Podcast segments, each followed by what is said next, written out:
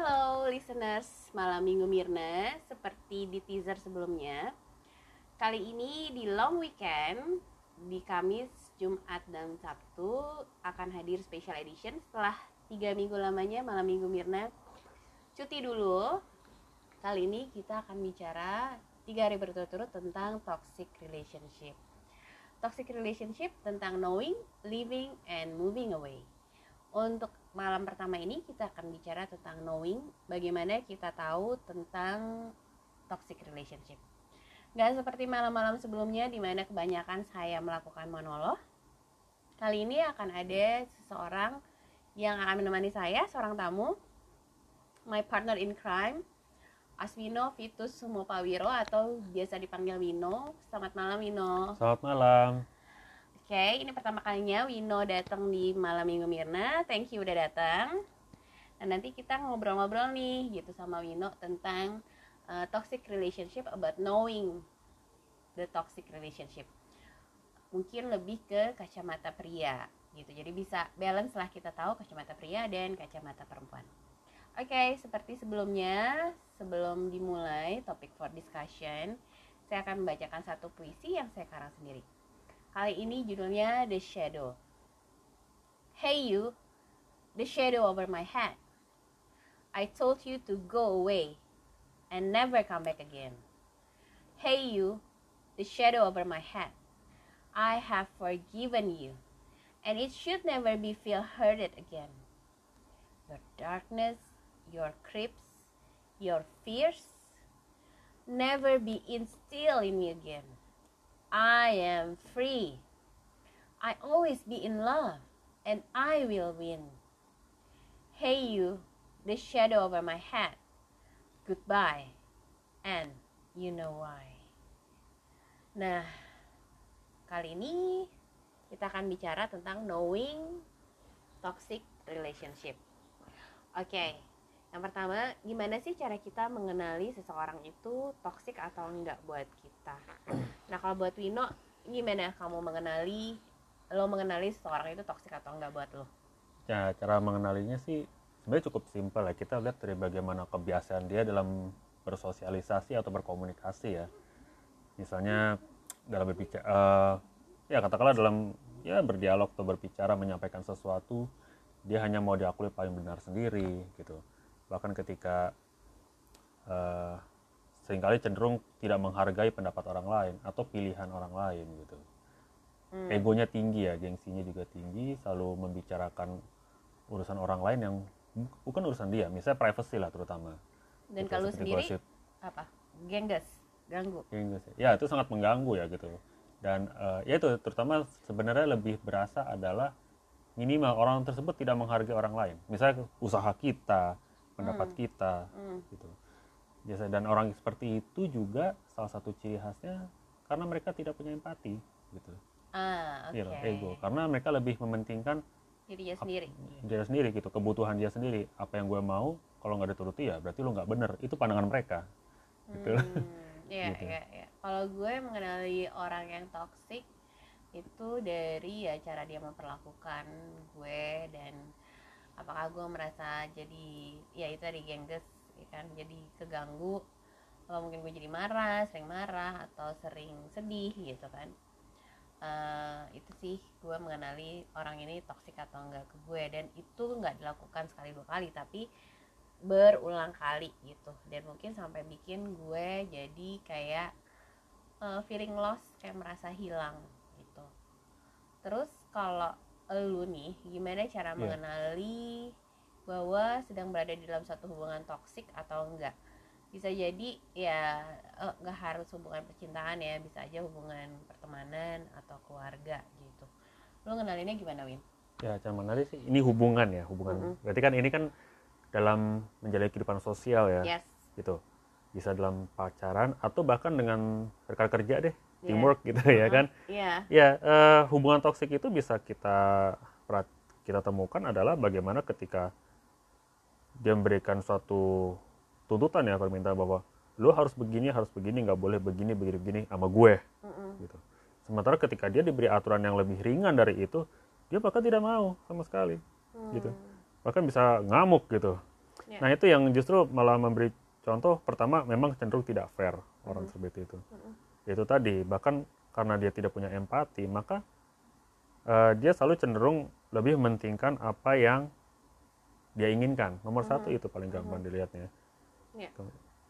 Kalau gue sih eh, kalau misalnya kalau berdasarkan pengalaman gue pribadi ya, kalau gue merasa berada di dalam satu hubungan toksik tuh biasanya pada satu titik tertentu gue merasa ya ada yang salah dan gue udah nggak menjadi diri gue sendiri atau bisa jadi gue melakukan sesuatu hal yang nggak biasanya gue lakukan gitu misalnya gue bi- biasanya jadi orang baik-baik nggak pernah nyolong gitu. Terus tiba-tiba gue jadi nyolong gitu karena eh, seseorang inilah. Itu berarti gue berada dalam hubungan toksik gitu. Karena itu sebenarnya bukan diri gue gitu Iya. kan.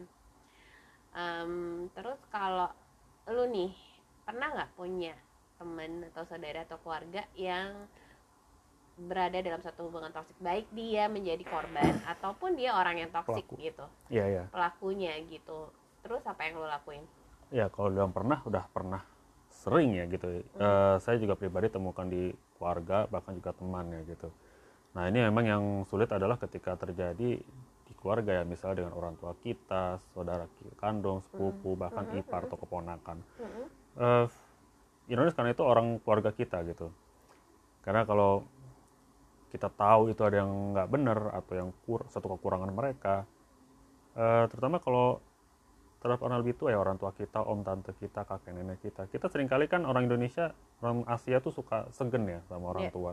iya. Jadi ketika kita beritahu itu kebiasaan jelek mereka, ya Mereka kita marah. merasa, iya mereka marah dan kita pun juga nggak enakan Iya, gitu. Walaupun iya, kita tahu iya. itu toksik tuh sebenarnya Aha, gitu. aha. Begitupun juga yang dengan seumuran kita gitu, dengan, masuk juga dengan teman. Kan nggak mungkin juga kita bilang, eh lo tuh sebenarnya kebiasaan lo tuh toksik loh. Ya, Mhm, bisa iya, iya, bisa iya. marah, itu nanti malah ada berantem. ya Emang betul. eh, bagaimana cara me- apa ya yang saya lakukan ya? Pasti saya beritahukan bahwa kamu punya ke- kebiasaan jelek seperti ini loh. Itu nggak bagus gitu. Misalnya mau menang sendiri. Termasuk tadi eh, ciri khas toksik yang saya ceritakan itu ya. Memang awalnya orang itu pasti eh, tidak mau terima apa yang kita kasih tahu. Yang begitu dan mungkin juga Hmm. nggak didengerin juga kan Nggak dengerin juga. Memang gini karena itu tadi karena mereka ego egonya tinggi Iya. ya kan Aha. sebenarnya sih nggak apa-apa sih kalau mereka tidak terima. Memang biasanya itu proses dulu kan untuk menerimanya. Yang penting nomor satu sih kalau menurut saya kita kasih tahu dulu Aha. bahwa itu ada kebiasaan jelek dan mereka kebiasaan yang toksik sebenarnya. Mhm.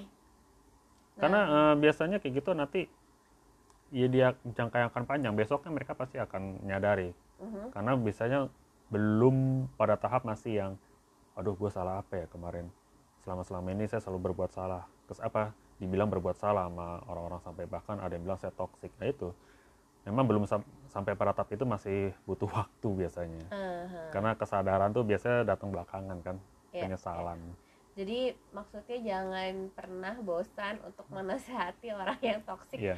bahwa apa yang dia lakukannya itu salah walaupun mungkin dia juga nggak nyadar ya Iya, kalau nyadar sebenarnya ya. apa yang dia lakukan itu salah. Iya. karena Dan- mungkin empatinya juga kurang kan. kurang gitu dan juga jangan lupa bahwa orang toksik itu orang menjadi toksik itu kan bisa juga karena masa lalunya dia juga kan misalnya Tapi gue suka males kalau bilangin orang toksik gitu ya. Misalnya lu tuh kayaknya too much deh, misalnya ya, Iya. memperlakukan seseorang seperti itu gitu. Tapi ya lama-lama nggak tahu ya kadang-kadang kan kita juga yang nasehatin juga capek juga. capek juga sih memang sih iya tapi ya memang gitu kadang yang perlu itu tadi kayak saya katakan sih ada baiknya kita juga pahami orang menjadi toksik itu kan bukan bawaan dari lahir ya Yes.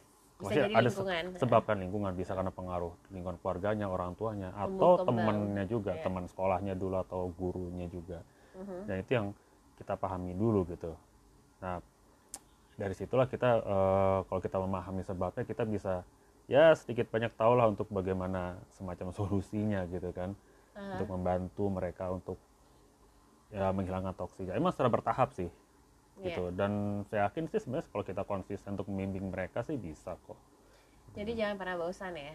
iya jangan pernah bosan Actually kalau pengalaman gue em, waktu itu gue punya temen yang korban, korban orang toksik gitu. Iya. Jadi di pernikahannya dia udah eh, suaminya pulang selalu tipsi gitu kan. Hmm. Eh, terus dia habis itu berantem selalu digebukin gitu kan. aduh Cuman dia eh, paling curhat gitu. Dan sampai misalnya gue bilang sebenarnya lu tuh either lu harus bikin keputusan apakah lu mau bertahan misalnya tapi dengan konseling ke pernikahan gitu ya ke konselor atau memang lu mau cerai gitu atau pisah. Cuman akhirnya tetap aja gitu dia akan balik lagi ke hal serupa dan dia tidak melakukan keduanya. Dalam arti dia tidak memberikan keputusan apakah eh, dia mau misalnya pisah atau cerai atau dia tetap bertahan tapi dia sama pasangannya sama suaminya pergi ke konselor pernikahan gitu tetap aja dua-duanya nggak dilakuin gitu akhirnya karena dua-duanya nggak dilakuin tetap aja dia berada dalam satu siklus yang sama kan Iya, gitu iya. tetap aja digebukin tetap aja nangis-nangis karena Mhm. suaminya ma- mabora terus Mhm. gitu kan kadang tuh capek gitu bilanginnya gitu ya Mhm. kayaknya gemes banget gitu kalau kayak gak bisa bikin decision bikin keputusan untuk hidup lu sendiri gitu iya iya cuman emang apa ya ya kadang-kadang kita nase- nasehatin sampai berbusa-busa emang kembali lagi ke orangnya kan Iya. itu hidup hidupnya dia pilihan hidupnya dia iya gitu dan mungkin emang kayak kata lu gitu emang kitanya harus sabar dan nggak pernah bosan menasehati si korban maupun Iya. orang yang toksik ya Iya itu kalau dasarnya emang kita peduli sama mereka Iya, ya gitu. iya. Dan terutama juga ya jangan lupa ya karena eh itu kan banyak jadi korban toksik juga akhirnya kan di mana nanti korban toksik itu ketika mereka dibiarkan terus berlarut-larut menjadi korban pelaku orang toksik Mm-mm. lama-lama mereka bisa jadi orang toksik juga dan menjadi toksik di masyarakat juga Ah, akhirnya kan Oke, jadi menular ya. Kalau Bisa menular kalau menurut juga. toxic itu jadi bisa menular menjadi ya? menular ya gitu ya Iya, iya, iya. karena iya, itu iya, kan benar. psikologis ya Iya. mental ya Iya, problem iya, mental iya, iya, iya. Jadi karena mungkin jadi korban orang toksik, akhirnya dia bisa jadi bahkan pelaku yang toksik juga ke orang lain gitu ya. iya Iya, iya, itu menarik, point of Iya. view menarik. Nah, tapi jadi kuncinya adalah konsisten dan persisten ya. iya Nah, kita tahu eh, seseorang itu toksik atau enggak iya atau dia jadi korban orang Iya. toksik ya. ciri-ciri orang toksik juga ya kita tahu. Bahkan kita juga perlu tahu ada baiknya kita perlu tahu ya korban toksik itu seperti apa gitu. Karena kan Hmm. itu tadi kita perlu peduli juga dengan korban toksik itu karena Iya. kalau dibiarkan ya ya itu tadi katakan dia akan tertular dan bisa menjadi pelaku toksik berikutnya gitu. Iya. Lu ada saran nggak buat listenernya Malam Minggu Mirna yang mungkin sekarang lagi berada dalam suatu hubungan yang toksik ya? Iya, either hubungan percintaan apa hubungan pertemanan Oke, oke. gitu ya, Oke. atau iya. saudara. Eh, kira-kira nih ada nggak saran buat mereka begitu mereka tahu sebenarnya oh iya ya gitu mungkin setelah dengan podcast ini oh iya bener nih kayaknya emang gue gue berada dalam suatu hubungan toksik Oke. nih gitu Ini di Lu ada posisi korban toksik iya, ya. iya, heeh. ya gimana ya itu tadi eh, dari awal nomor satu adalah pahami dulu apakah orang yang anda hadapi itu orang toksik itu dulu Hmm, ketika anda tahu ciri-cirinya bahwa itu eh, toksik eh, komunikasikan dengan baik gitu bahwa beritahukan ya ya apa yang selama ini jadi kebiasaan jelek ya kan ciri khasnya kan ada kebiasaan jelek mereka mhm. itu oke gitu kalau mereka awalnya nggak mau nerima dan nggak mau mengerti karena pasti biasanya namanya orang toksik tidak mau dikritisi yang penting Yes. minimal mereka tahu dulu bahwa mereka punya suatu kebiasaan jelek yang Mhm, menjadi toksik mhm. kedua eh, jangan terlalu di apa ya saya rasa sih mungkin nggak tahu kalau orang lain ya. Karena kalau saya perlu kita perlu jaga jarak dulu juga untuk sementara. Karena Hmm. kalau kita tahu ini orang toksik kita harus berurusan dengan dia tiap hari itu juga nggak bagus. Karena kita tahu tiap ketemu dia pasti nanti ada masalah terus. Nah, ya kan? oke, pasti iya. ada akan masalah terus. Peluang bermasalah Akan pasti terus Nah, ya. peluang ya peluang untuk jadi masalah itu Iya, pasti lebih baik gitu, lebih banyak gitu. Jadi eh, ya itu tadi gitu. Kita pahami mereka seperti itu perlu ada jarak dulu dan Mhm. usahakan juga untuk ya hindari konflik ya gitu Iya. karena menghindari apa yang nanti menjadi kebiasaan jeleknya itu akan timbul gitu itu sih untuk korban toksik dan ya yang pastikan juga usahakan jangan sampai terpengaruh dengan Aha. toksiknya gitu karena ini kan eh, toksik itu kan pasti kita lebih kenanya apa ya, emosi ya Iya. perasaan dan psikologi Iya. kita gitu Iya. mental kita yang jadi mental sakit kita sih sih itu ya Iya.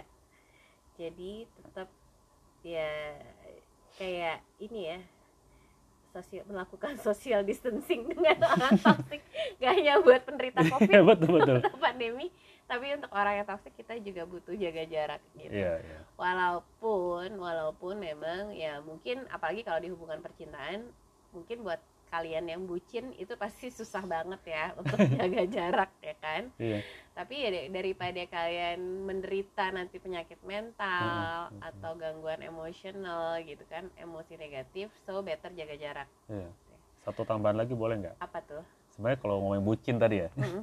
bucin itu sih manusiawi ya namanya orang jatuh cinta. Tapi bucin secara berlebihan tuh jadi toksik loh karena biasanya orang kalau bucin tuh pasti cemburunya sangat tinggi ya sama orang yes dia suka iya iya iya dan cenderung Yes, bakal suka I mengatur Iya, iya, iya. Gue setuju. Ya, benar. Kalau terlalu bucin malah kita yang jadi Iya. toxic ya. Oke, malam minggu listener, malam minggu Mirna listeners. Thank you for listening uh, first part of toxic relationship, knowing it. Dan thank you juga buat Wino udah datang, udah jadi tamu malam ini. Nah, Ya, sebelum terima kasih sudah diundang perdana ya, perdana. oh iya perdana nih ya Oh ya buat kamu yang mungkin mau eh, mau tahu lebih lanjut tentang Wino atau DM bisa ke akun Instagramnya Wino di @wino w i n o underscore art bener ya? iya betul sekali Oke sebelum saya tutup seperti biasa di closing saya bicara eh, membacakan satu puisi lagi kali ini bahasa Indonesia judulnya Pergi. Aku perih, kamu tinggal pergi. Nyeri, menangis, meratapi. Tapi aku ngeri karena kamu tak berperi. Merajut kata-kata miris bikin aku mau mati. Sepi, namun kelak akan berseri. Karena matahari tak akan pernah mati. Thank you, Malam Minggu Mirna listeners. Sampai jumpa lagi besok di seri kedua Toxic Relationship Living It. Buat kamu yang sendiri, namun tidak harus diratapi. Ciao, love you.